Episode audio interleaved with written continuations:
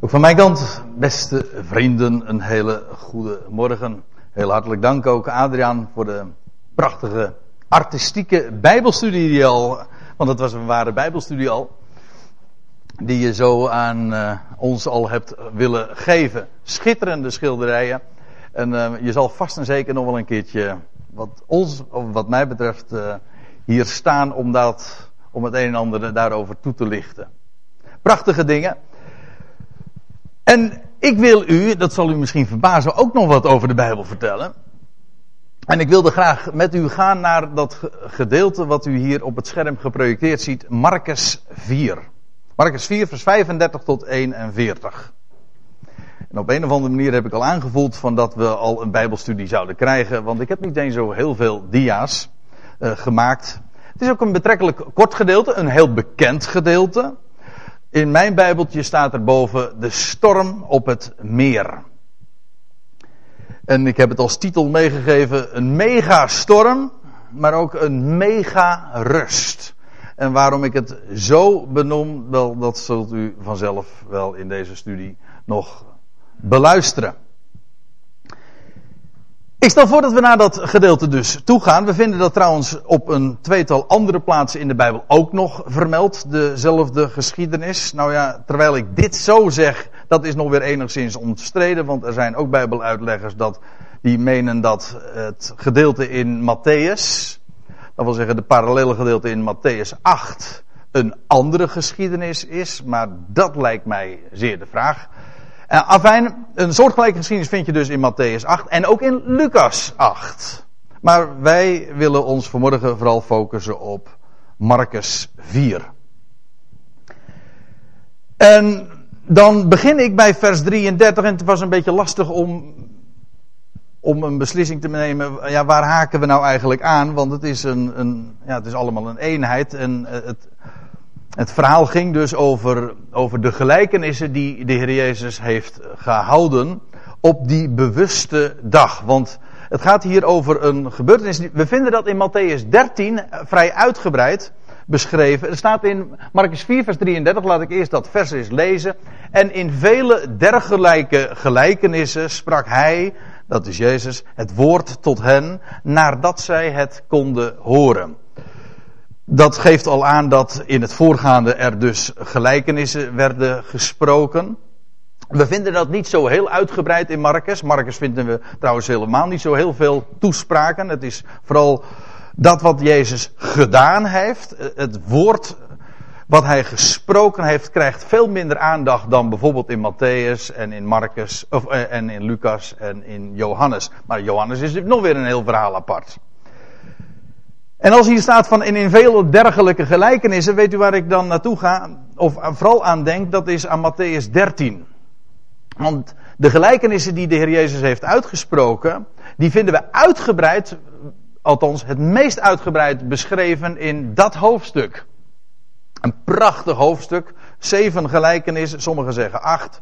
Dat is ook nog weer een, eh, een vraag apart.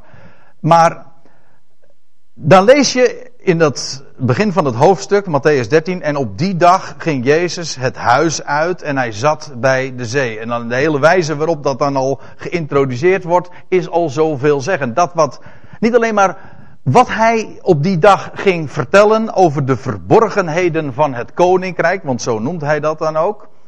Zo wordt dat verschillende keren ook genoemd als hij de gelijkenissen vertelde dan sprak hij over de verborgenheden, de geheimenissen, staat er in de MBG-vertaling, van het koninkrijk.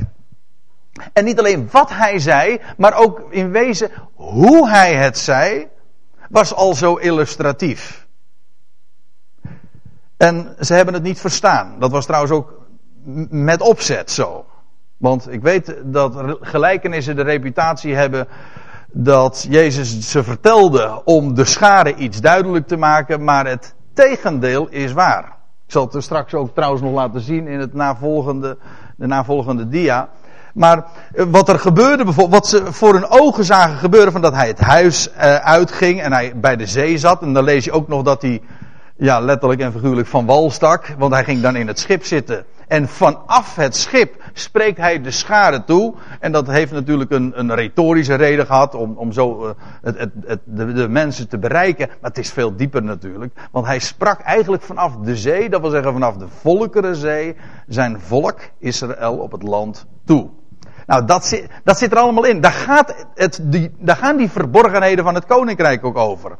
En dan lees je nog in vers 3. En hij sprak tot hen vele dingen. Uh, tot hen vele dingen in gelijkenissen. Nou, over die dag. Daar gaat ook Marcus 4. En dan lees je nog in Marcus 4 in het vervolg. En zonder gelijkenis sprak hij tot hen niet. Maar afzonderlijk aan zijn discipelen verklaarde hij alles. Met andere woorden. De verklaring van de gelijkenissen. Gelijkenissen zijn dus niet iets die eh, waren niet, werden niet uitgesproken om iets duidelijk te maken. Die scharen die horen een verhaal over, over, over een vrouw die zuurdezem nam of, of deeg nam en daar zuurdezem in verborg. Of over een, een zaaier die uitging om te zaaien. Ze, ze hoorden die verhalen. Maar wat ermee bedoeld werd, wat er achter schuil ging, wel, dat hoorden de scharen niet. Zo lezen we het. En zonder gelijkenis sprak hij tot hen, dat wil zeggen tot die scharen die daar op de kant zit, uh, die aan de oever daar luistert. Hij, hij sprak zonder gelijkenis niet tot hen, maar afzonderlijk aan zijn discipelen verklaarde hij alles. Zodat de verklaring juist niet gegeven wordt aan de scharen. En dus het tegendeel waar is wat er meestal gedacht wordt en over gelijkenissen en de reputatie die ze hebben. Jezus vertelde gelijkenissen om dingen aan de mensen duidelijk te maken. Ja, zou je zeggen, maar het is niet zo. Want ze behoeven een verklaring en die kregen de schade juist niet te horen. Staat er zelfs heel uitdrukkelijk bij. En in Matthäus 13 wordt het zelfs ook nog uitgebreid uitgelegd. Opdat ze ziende niet zien en horende niet horen. Dat wil zeggen, ze horen wel een verhaal, maar ze weten helemaal niet waar het over gaat. Afijn, die dag was het. En dan lees je, en nou komen we bij de geschiedenis. En hij zei tot hen, dat wil zeggen tot zijn discipelen, op die dag. Dat wil zeggen, die dag dat hij zo uitgebreid heeft gesproken. Een drukke dag is dat voor hem geweest, want dat, dat uh, maken we ook op uit de, de parallelgedeelte. Toen het laat geworden was, of eigenlijk staat er toen het avond geworden was. Toen zei hij, laten we oversteken naar de overkant. En de beide plaatjes die u hier ziet geprojecteerd, dat zijn allebei afbeeldingen van het meer van Galilea of de zee van Tiberias of het meer van Kinneret of hoe het maar heten mag. Het heeft zo verschillende namen. En dat is een, een, nou ja, wat heet, het is een flink meer.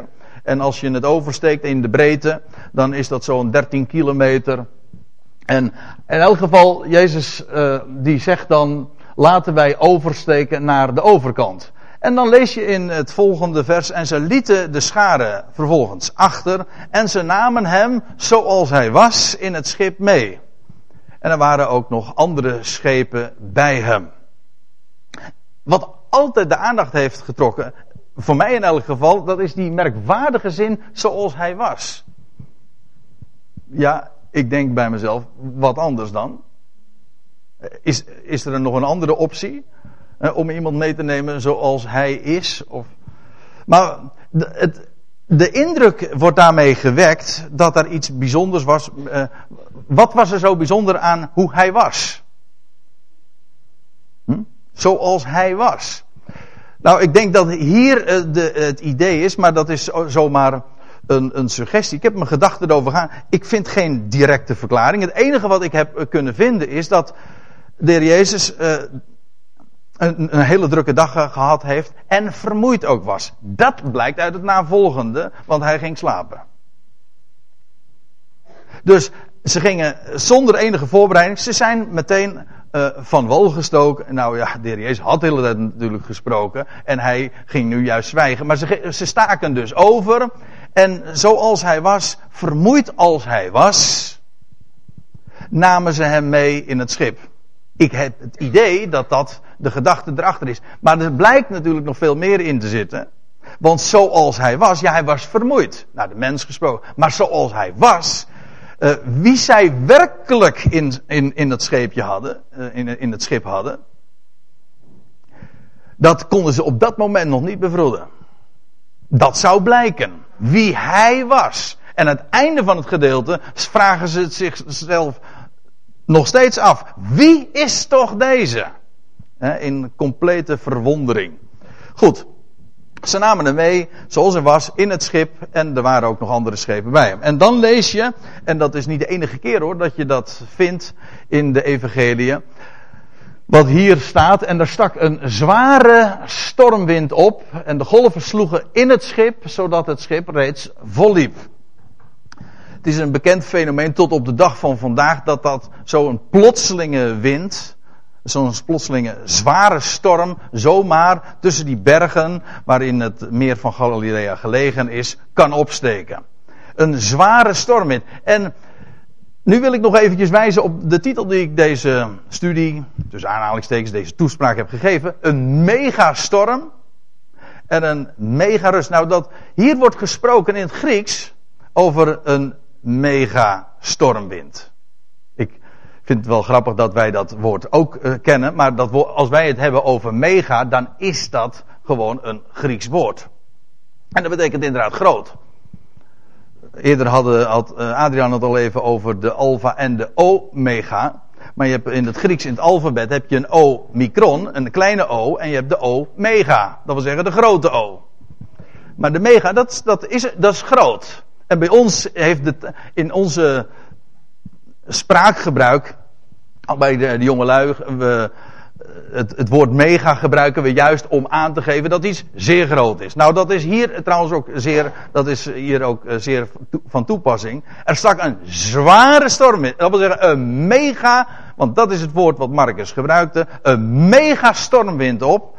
En de golven sloegen in het schip, zodat het schip reeds volliep. Ja. Maar het meest bijzondere is wat we vervolgens lezen. Namelijk in, het, in vers 38. Maar hij zelf lag op het achterschip. Eigenlijk staat er in het achterschip. Het, als u het mij vraagt, de, de, het voorzetsel duidt erop dat het dus geen open schip was, maar dat het een, uh, ja, een soort kajuit was waar hij in gelegen was. Hij lag in het achterschip en dan niet tegen, maar dan letterlijk ook weer op, op het kussen te slapen. Nou, die voorzetsels doen nu niet zozeer te zaken. Waar, het, waar ik, wat natuurlijk de aandacht trekt, is aan de ene kant dit. Een zware stormwind. De golven slaan in het schip. Zodanig zelfs dat het schip al geheel vol raakte. En niettemin, hij ligt daar dan. In het, zoals hij was. Vermoeid. Lag hij daar in het achterschip op het kussen. Dat wil zeggen, zijn hoofd had hij daar eh, opgelegd en hij lag in complete rust. Terwijl het dus buiten, en nou ja, buiten, ja, buiten en, maar ook in het schip zoveel paniek is en zoveel aan de hand is, de stormwind, lag hij daar in complete rust. Letterlijk, want hij sliep. En dat blijkt dan ook, want wat lees je? En ze maakten vervolgens hem wakker en ze zeiden tot hem, en dat blijkt dus dat het complete paniek was, wat, laten we wel wezen, heel uh, begrijpelijk is, als de situatie echt inmiddels zo is als die beschreven wordt. Uh, zware stormwind, de golven die niet alleen maar over het schip, maar het schip dreigt dus al feitelijk te zinken. En ze maakten hem wakker en ze zeiden tot hem, meester, trekt gij u er niks van aan dat wij vergaan? Ziet u? Het is paniek waarin zij hem wakker maken. Want ze, zij eh, veronderstellen dat ze, dat ze nu op het punt staan te vergaan. En ze nemen het feitelijk eh, de meester kwalijk dat hij gewoon in rust is. Dat hij ligt te slapen. Trekt, er, zit, er klinkt een verwijt in door. Trekt er nou niks van aan dat wij vergaan. Nou, en dan lees je in het volgende vers. En hij, wakker geworden, dat, als, je, als je er zo eventjes uh, dan dat probeert voor te stellen, dan heeft dat nog weer iets komisch. Zeker als je dat achteraf buiten het schip en je kent het verhaal. Uh, En hij, hij, hij werd wakker. En, en dan lees je, hij, best, dus hij er staat niet, hij bestrafte hen. Hij bestrafte de wind. Ik kom er straks nog even op terug. Hij bestrafte de wind en hij zei tot de zee, zwijg. Wees stil. En dan, en de wind ging liggen en het werd volkomen stil. En hier wordt opnieuw dat woord mega gebruikt. In, de, in onze vertalingen komt het totaal niet uit de verf, want er worden, eerst wordt het een zware stormwind en hier heet het volkomen stil. Maar er staat dus twee keer dat woordje mega. Of mega. Een, een, een megastorm.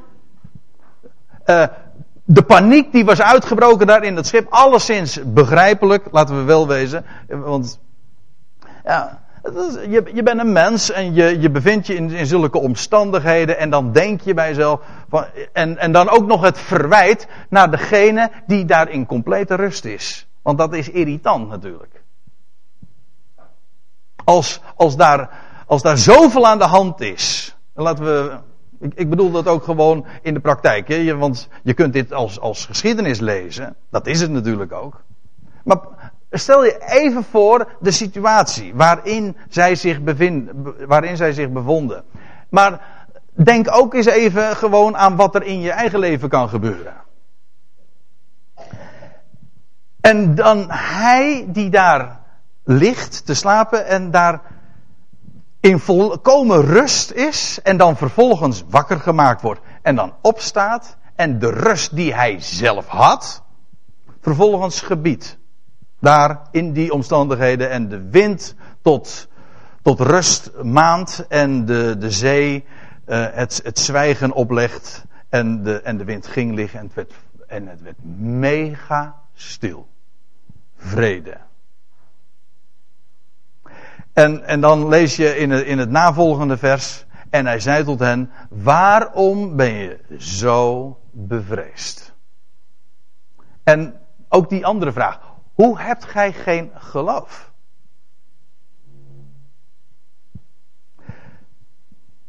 Er zit, er zit hier geen strafelement in. Je leest van hij bestrafte de wind. Maar hier die vraag: Hoe heb je nou geen geloof? Met andere woorden, ik was, ik was toch in het schip? Dacht je nou werkelijk, het idee is, dacht je nou werkelijk dat we zouden vergaan? Hoezo die paniek? Waarom ben je zo bevreesd? Weet je dan niet dat er één is die alles in handen heeft? Hoe heb je geen geloof? En dat is iets waar je, waar je eh, toch. Nou, dat zet je aan het denken. Want dat is een vraag die je natuurlijk die hier gesteld wordt aan die, aan die, aan die kerels, volwassen kerels. Hè. Je moet je voorstellen, er waren trouwens nog andere schepen bij ook. Eh, en, en, maar allemaal waren ze in paniek. Want ja, het leven was ermee gemoeid. En dan, en dan dat, dat lichte verwijt nu van dat vriendelijke verwijt van, van Jezus naar hen. Hoezo? Had je geen geloof? Hoe hebt gij geen geloof? Elders lees je dan, gij kleingelovigen. Want het punt is niet van dat ze geen, helemaal geen geloof hadden. Het, het was klein geloof. Ze geloofden een beetje. Het, het idee van, je weet wel, hij is er en hij heeft alles in. Dat weten we wel. Dat wisten zij ook echt wel. Maar dan in de praktijk van het leven. Als nou, eh, ik bedoel, de metafoor is bekend. Hè? Van, van de storm. Toen ik uh, voor de liederenkeuze nog eens zat de, de, allerlei bundels had door te bladeren en door te kijken. Toen was het niet moeilijk om een heleboel liederen te vinden die allemaal die metaforen ook gebruiken. En we doen dat ook in het dagelijks leven. Of van, van stormwind. En dat alles, dat alles loeit en dat, dat, dat de golven in je, en je levensscheepje, zeg maar, uh, dreigen, te, het, het levensscheepje dreigen te doen zinken. Weet je wel? Dat je in, in paniek raakt en dat je niet weet of je het zal overleven. Dat je niet weet waar je het zoeken moet. Dat je in paniek, maar juist die paniek geeft aan dat je denkt van, er is, de controle is weg. En dan zegt, dan zegt de Heer Jezus, hoe hebt gij geen geloof? Je weet het misschien wel, dat er één is die alles in handen heeft, maar besef je nou werkelijk, jullie beseffen heel goed hoe, hoe groot de storm is. En hoe zwaar die golven zijn. En, en hoe, hoe serieus de omstandigheden. Dat beseffen jullie, maar jullie beseffen kennelijk niet wie jullie aan boord hebben. En dat, er, dat ik die ene ben en representeer, die alles volmaakt in handen heeft en die in volkomen rust is. Want ons, onze omstandigheden die zo turbulent kunnen zijn. En waardoor je zo in paniek kan raken. Want het gaat niet goed. Ja, maar er is er één. Die dat alles kent. Hij weet van onze omstandigheden. En die desalniettemin vrede heeft. In rust is. Want ik, het is waar dat je leest in de Bijbel over God die meeleidt. Maar God is God.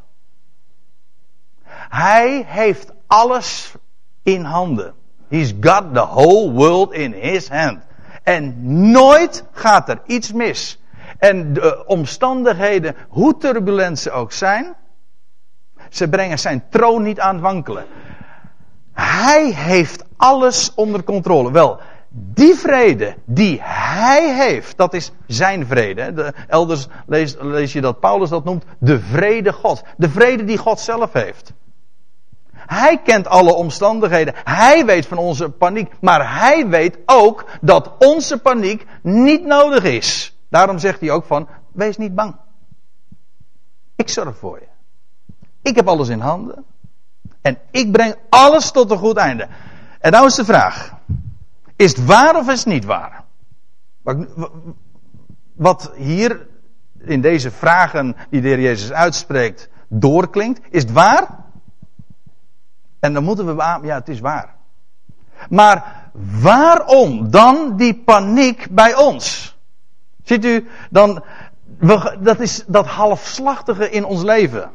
Aan de ene kant, we geloven het wel, maar we geloven het wel. Hm? Maar dat dubbele. Je, je ziet op, nou ja, dat is weer een, trouwens een andere geschiedenis van, van, van Petrus. Die ook op de golven zag. Ja, de, de, vraag is dus feitelijk, waar zie je op? Zie je op die grote golven? Zie je op de stormwind? Zie je op alles wat er tegen je is? Of zie je op hem, die daar bovenuit gaat en die dat alles in handen heeft? En waar je op ziet, is nou precies bepalend voor wat er, hoe het hier gesteld is. Want als je ziet op al die omstandigheden en dat wat er uit, uit, uit, uit handen dreigt te lopen, dat wil zeggen uit je eigen handen, dat is volmaakt in zijn hand. Als je dat weet, als je daar je oog op gericht hebt, dan heb je vrede. Dat is ook de vrede Gods. Het heeft alles te maken met waar zie je op? Zie je op die megastorm en die megagolven en nou wel, dan is, de, dan is het resultaat de paniek. Of denk je aan hem die, daar, die je aan boord hebt. En die daarin volmaakte rust is. En die ook bij machten is, daar die rust aan te brengen. Ik bedoel, hij, zijn, hij sprak zijn woord. En het was voldoende. En dat is wat je leest en ze werden, er staat er, en ze werden bovenmate bevreesd. Weer dat woordje mega. Hier wordt weer vertaald met bovenmate. Bevreesd, in de niet in de zin van bang voor hem, maar uh, ontzag. Dat, dat ontzag blijkt wel, want er staat, en ze zeiden tot elkaar, wie is toch deze? Een retorische vraag, want ze wisten dat wel. Hoewel ze zich nooit hadden gerealiseerd wie ze echt in, in, in het schip hadden genomen. Ze namen hem zoals hij was in het schip, maar ze wisten niet werkelijk wie, wie daar lag te slapen. En ze namen het hem kwalijk, maar het was juist een, een zegen. Ja, ze visten misschien met een zegen, maar, ze, eh, maar ze, het was een zegen dat ze hem aan boord hadden, dat hij in rust is. Want de rust die hij heeft, die kan hij ook gebieden. En ik bedoel het ook gewoon in de praktijk. De rust die God heeft, omdat hij weet Hij, hij verkondigde van de beginnen al de afloop. Bij hem gaat er nooit iets mis. Geen enkel detail.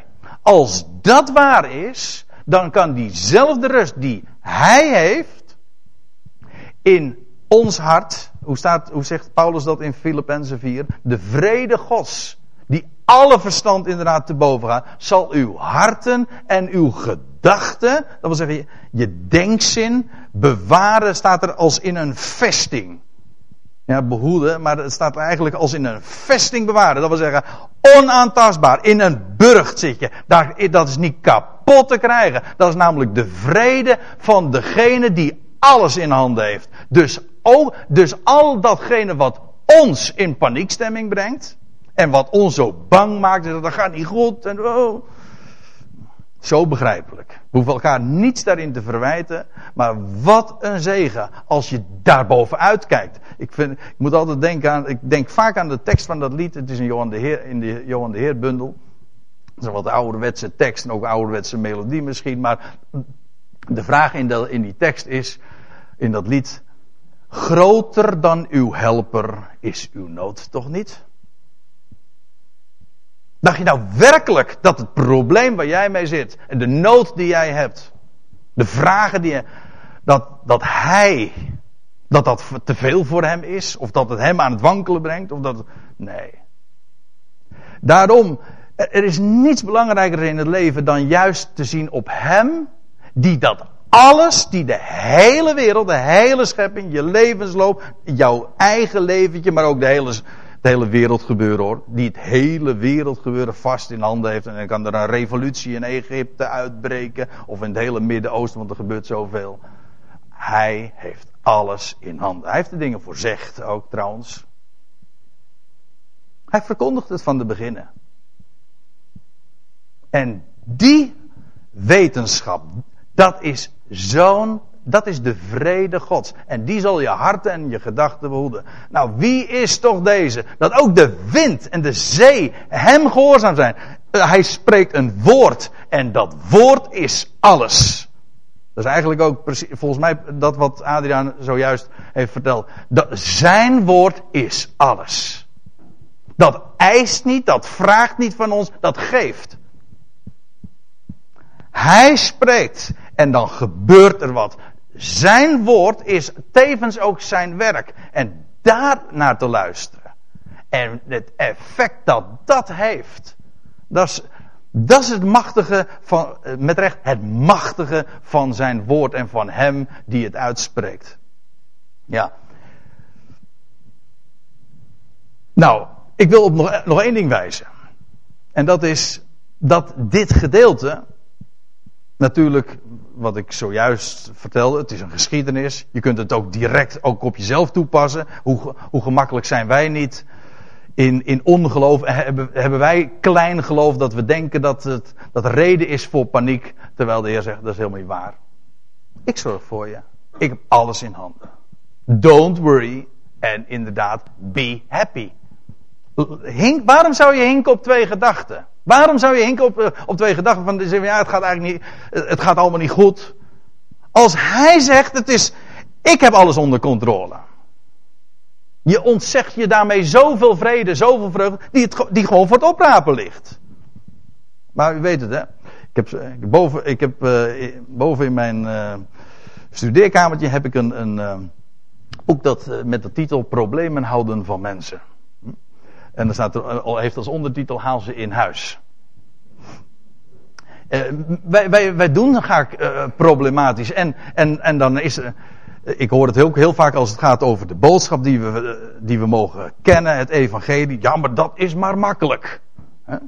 Dat de Heer zo groot is en dat hij, dat hij, dat hij niet klein denkt. Hij, dat hij, hij, hij heeft de hele wereld op het oog. Kom nou zeg je denkt over hem en zijn woord altijd te klein. Maar dat, geldt dan ook voor ons eigen leven. Eh, we denken dat we er toch verstandig aan doen om een beetje moeilijk te doen en om problemen te zien enzovoort. Dat zou je jezelf niet moeten aandoen. Kijk omhoog. Kijk naar degene die daar, alles, die daar bovenuit gaat. Maar goed, Nou ja, dat soort overwegingen komen vanzelf bij je op wanneer je dat soort, wanneer je zo'n geschiedenis leest. En als de Heer Jezus zo'n vraag stelt, heb je dan geen geloof? Waarom ben je bang? Hoezo? Maar het heeft ook nog een profetische betekenis. Daar wil ik tenslotte ook nog op wijzen. Dat wil zeggen, deze, wat hier gebeurde is feitelijk, staat ook model voor wat er in de eindtijd gaat plaatsvinden. Je leest in, in, in, in Psalm 7. Ik vond het wel een heel, uh, heel frappante parallelle. Want je kunt natuurlijk zeggen van ja, slaapt de Heer dan vandaag? Is het niet zo dat er in, in het boek, de, ook in het boek van de Psalmen staat, of een van de boeken van de Psalmen, want Psalmen zijn vijf boeken. Ja, ja. Daarom heeft de Bijbel ook tussen haakjes 70 boeken. Ik, ik, ik kan niet nalaten om nog even te zeggen. De psalmen, dat zijn vijf boeken. Dus die, wat er altijd verteld wordt over die 66 bijbelboeken, dat is niet waar. Er zijn vier boeken meer dus. Denk er eens over na. Afijn. In, in een van de boeken van de psalmen, daar staat uh, de bewaarder Israëls. Shomer, ons woord smeres komt er trouwens vandaan. De bewaarder van Israël sluimert nog slaapt. Ja, en dat is, dat is de ene kant van de gedachte. De andere kant is dat hij in de praktijk lijkt het als treedt de Heer niet op. Dat, dat kan in je eigen levensomstandigheden ook zo zijn. Waar is hij nou? Waarom doet hij nou niks? Waarom ligt hij daar nou gewoon maar te slapen? Maar dat is ook in het wereldgebeuren. Nu is het ook. De, eh, wie was het ook weer? Margriet Eshuis die had zo'n liedje. Is God asleep? Slaapt hij soms of zo? Waarom loopt het in de hele wereld gebeuren uit de hand, denken we dan? Waarom treedt hij niet op? Nou, dat is ook een beeldspraak die we in het boek van de Psalmen lezen. En daarom lees je ook vaak de oproep: sta op, heren. Met andere woorden, hij ligt. Sta op in uw toren, verhef u tegen de woede van hen die mij benauwen.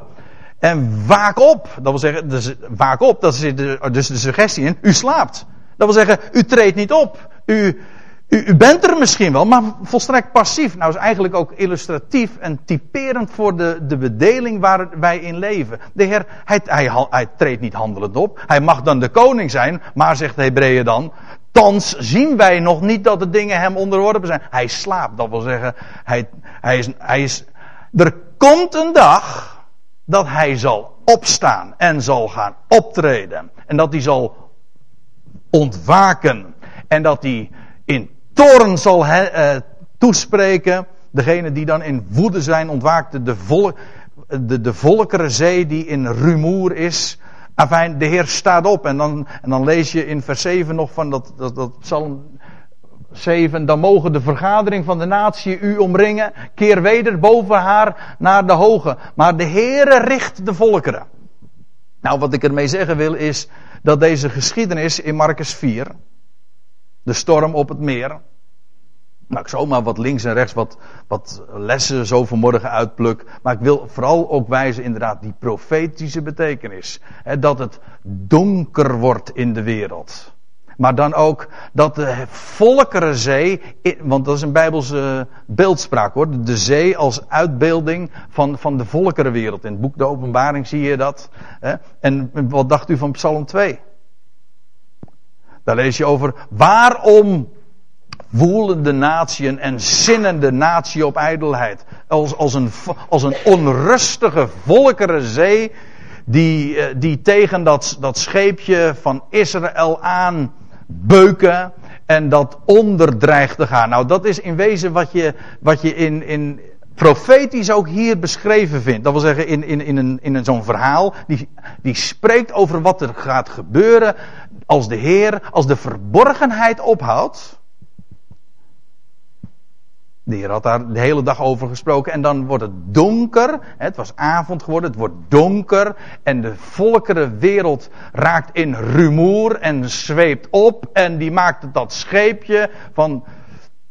De discipelen maakt het. Uh, dreigt ten onder te gaan. Het gaat over Israël. De nou, evangelie gaan in de eerste plaats ook over de, de boodschap die de Heer Jezus heeft voor zijn volk Israël. Wel, zo zal het ook gaan met Israël in de eindtijd. Dan zal het zo moeilijk worden. Zo zwaar. En dan zullen ze uiteindelijk ook roepen om hem. En dan zullen ze, sta op heren, ontwaak. En dan, dan zullen ze de naam aanroepen.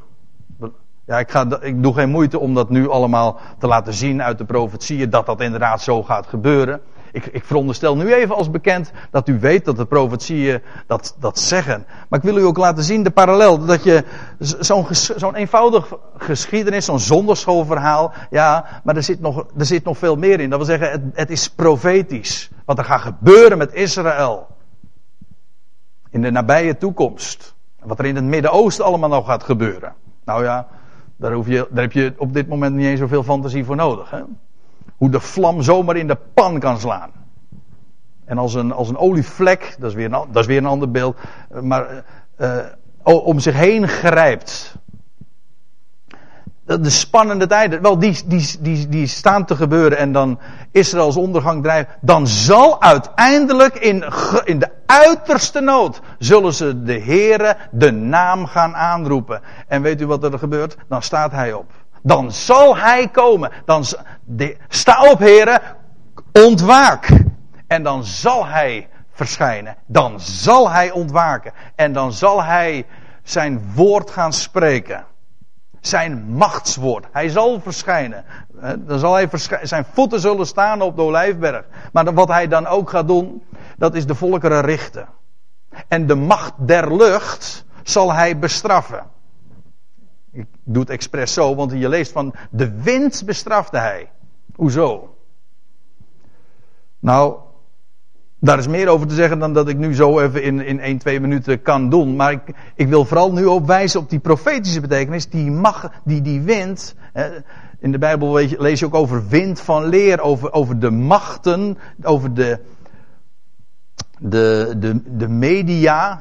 Maar dat wat zich aan ons aan onze ogen onttrekt. Je hoort het geluid daarvan. Hè? Je ziet de effecten ervan, maar je ziet het niet. Ja, maar zo gaat er in het wereld Er gaan doen machten spelen daarin een rol. De overste van de macht der lucht, daar spreekt Paulus ook over. Wel, die zorgen ervoor dat die volkeren, die volkeren zee ook opzwiept.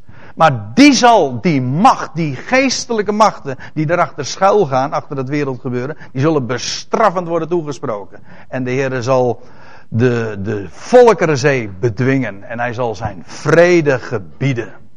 En dan waar het uiteindelijk in resulteert is, wat we in dit gedeelte ook lezen, dat is dat ze in verwondering zich afvragen. Wie is toch deze? Hoe groot dat zelfs de, dat de wind en de zee hem gehoorzamen. Wel, dat is precies ook wat er, wat er gaat gebeuren. Als hij inderdaad straks zal opstaan en zijn machtswoord zal spreken en zich de Messias zal tonen van Israël, maar ook de koning zal worden van de hele volkerenwereld en de, de zee, de hele volkerenzee tot rust en tot vrede zal brengen. En dan zal er slechts overblijven de vrezen van hem. De, de, in de profeten lees je dat de aarde, nee, dat de aarde zal vol zijn van de kennis des Heren. Zoals de, de oceanen, de zeeën, de bodem der zee bedekken. Zo. Zo zal het gaan, gaan worden. En denk nou niet dat wat er allemaal gebeurt in de wereld, dat het allemaal. Dat, de, dat God de regie kwijt zou zijn. Integendeel, alles verloopt volgens plan. Hoe gaat het met je, André? Alles verloopt volgens plan. Hm? Dat is mooi, ja. Want soms denk je wel eens een keer, ja, goh, moet ik, nou, moet ik het nou echt zeggen? Hm? Alles gaat volgens plan. En dus goed. Ja, en zo eindigt het. Wie is toch deze, dat zelfs de, de zee en de wind hem gehoorzamen? Ik stel voor dat we daar een lied over zingen, André.